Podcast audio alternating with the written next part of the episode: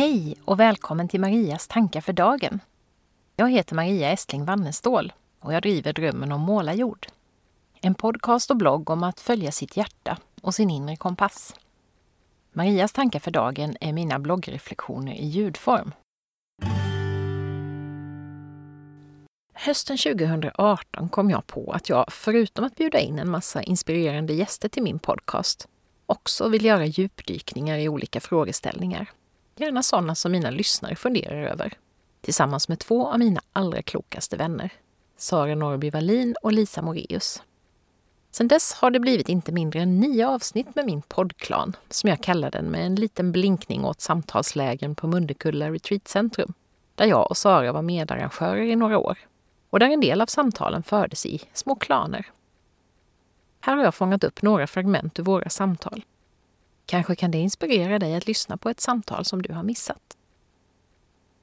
Premiäravsnittet utgår från frågan Ska det inte gå lätt att följa sitt hjärta? och känns viktig att ställa i en podd som min. Det är ju faktiskt sällan så himla enkelt som det kan låta. Vi pratar bland annat om att det finns två aspekter av att följa hjärtat. Dels att få syn på det som är viktigt för mig och gå i den riktningen. Dels att använda sin magkänsla, intuition eller vad vi nu vill kalla den.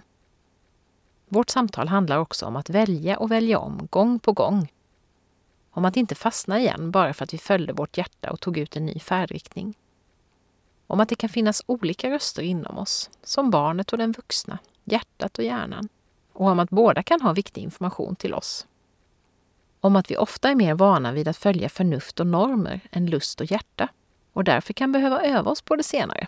Och mycket annat spännande. I det andra avsnittet reflekterar vi kring andlighet. Vad det betyder för oss och hur de inre faktorerna påverkar oss. Här har vi tre, som annars ofta är ganska lika på många sätt, ganska olika perspektiv. Vi pratar om hur komplext begreppet andlighet är.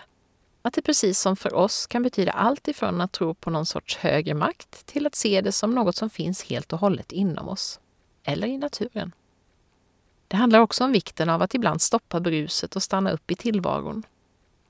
Om att tron på något större å ena sidan kan ge trygghet och tillit, men att det också finns en risk för att vi lämnar ifrån oss allt ansvar till något utanför oss själva och en hel del annat. Poddklansavsnitt 3 handlar om att driva företag för att få jobba med det vi älskar. Ett val vi alla tre har gjort och är väldigt nöjda med. Vi pratar bland annat om hur företagandet ger oss möjligheter att skapa egna ramar, förverkliga idéer och alltid veta varför vi jobbar. Det kan kanske låta egoistiskt, men vi är alla övertygade om att det för just oss tre är det bästa sättet att kunna göra skillnad och bidra till världen. Vi pratar också bland annat om huruvida det är viktigt eller inte att göra upp affärsplaner, budgetar och sätta upp mål. Och Sara lanserar en helt ny akronym, SOL, för sina mål. De ska vara stödjande, omförhandlingsbara och lustfyllda. I avsnitt 4 försöker vi reda ut vad framgång egentligen är för något.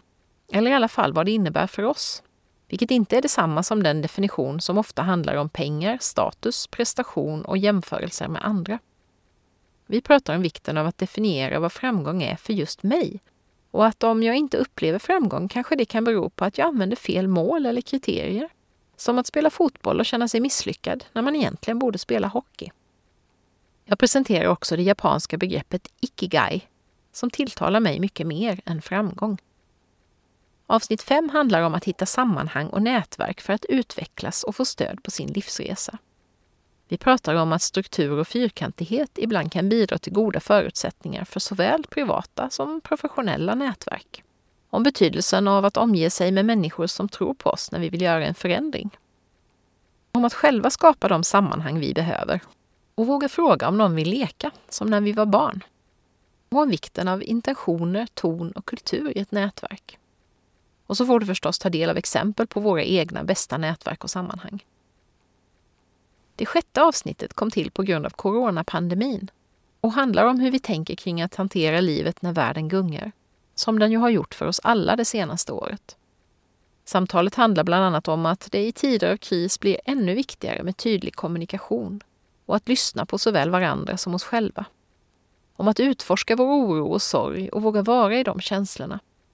Om att försöka acceptera det vi inte kan påverka. om att hantera besvikelser genom att förändra våra mål. Och så lite om skrivande och andra verktyg som kan hjälpa oss när livet utmanar. Hårdklansavsnitt 7 handlar om kontrasterna vi alla tre gillar. Struktur och kontroll å ena sidan, kreativitet och tillit å den andra. Hur hänger det ihop egentligen? Vi pratar om att det finns strukturer och ramar som dödar kreativiteten, men andra som faktiskt underlättar för den att blomstra. Om att utforska the whole body yes. Om att ibland gå emot hjärtats röst. Om hur struktur kan bidra till effektiv tidsanvändning. Om vad filosofen Habermas och filmen Terminator kan tillföra det här ämnet. Det åttonde avsnittet handlar om drivkrafter, vad de är och hur de hjälper oss i våra liv. Vi pratar bland annat om hur förståelse för både egna och andras drivkrafter kan skapa bättre förutsättningar för gott samarbete. Huruvida man överhuvudtaget kan tala om positiva och negativa drivkrafter. Om hur drivkrafter kan förändras över tid. Om drivkrafter som håller i längden. Om förföriska sirener som ibland lockar oss i fel riktning. Och om gränsvakter som kan signalera att vi har tappat bort vår inre drivkraft. Och så det färskaste avsnittet av poddklanen. Här fick vi finbesök av vår vän Ulrika Persson. Temat var Det goda samtalet. Hur hittar man det? Vi ger exempel från våra egna liv på hur vi skapar förutsättningar för goda samtal, både privat och professionellt. Bland annat genom såväl lite fyrkantiga strukturer, exempelvis att dela upp tiden mellan sig, som genom lekfulla aktiviteter.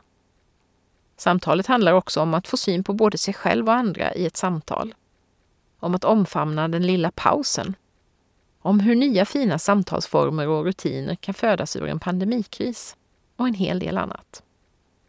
Visst finns det många spännande samtal i våra poddklansamtal. Kanske någonting som du blir sugen på att utforska direkt? Skriv gärna och berätta om det väcks några tankar hos dig när du lyssnar.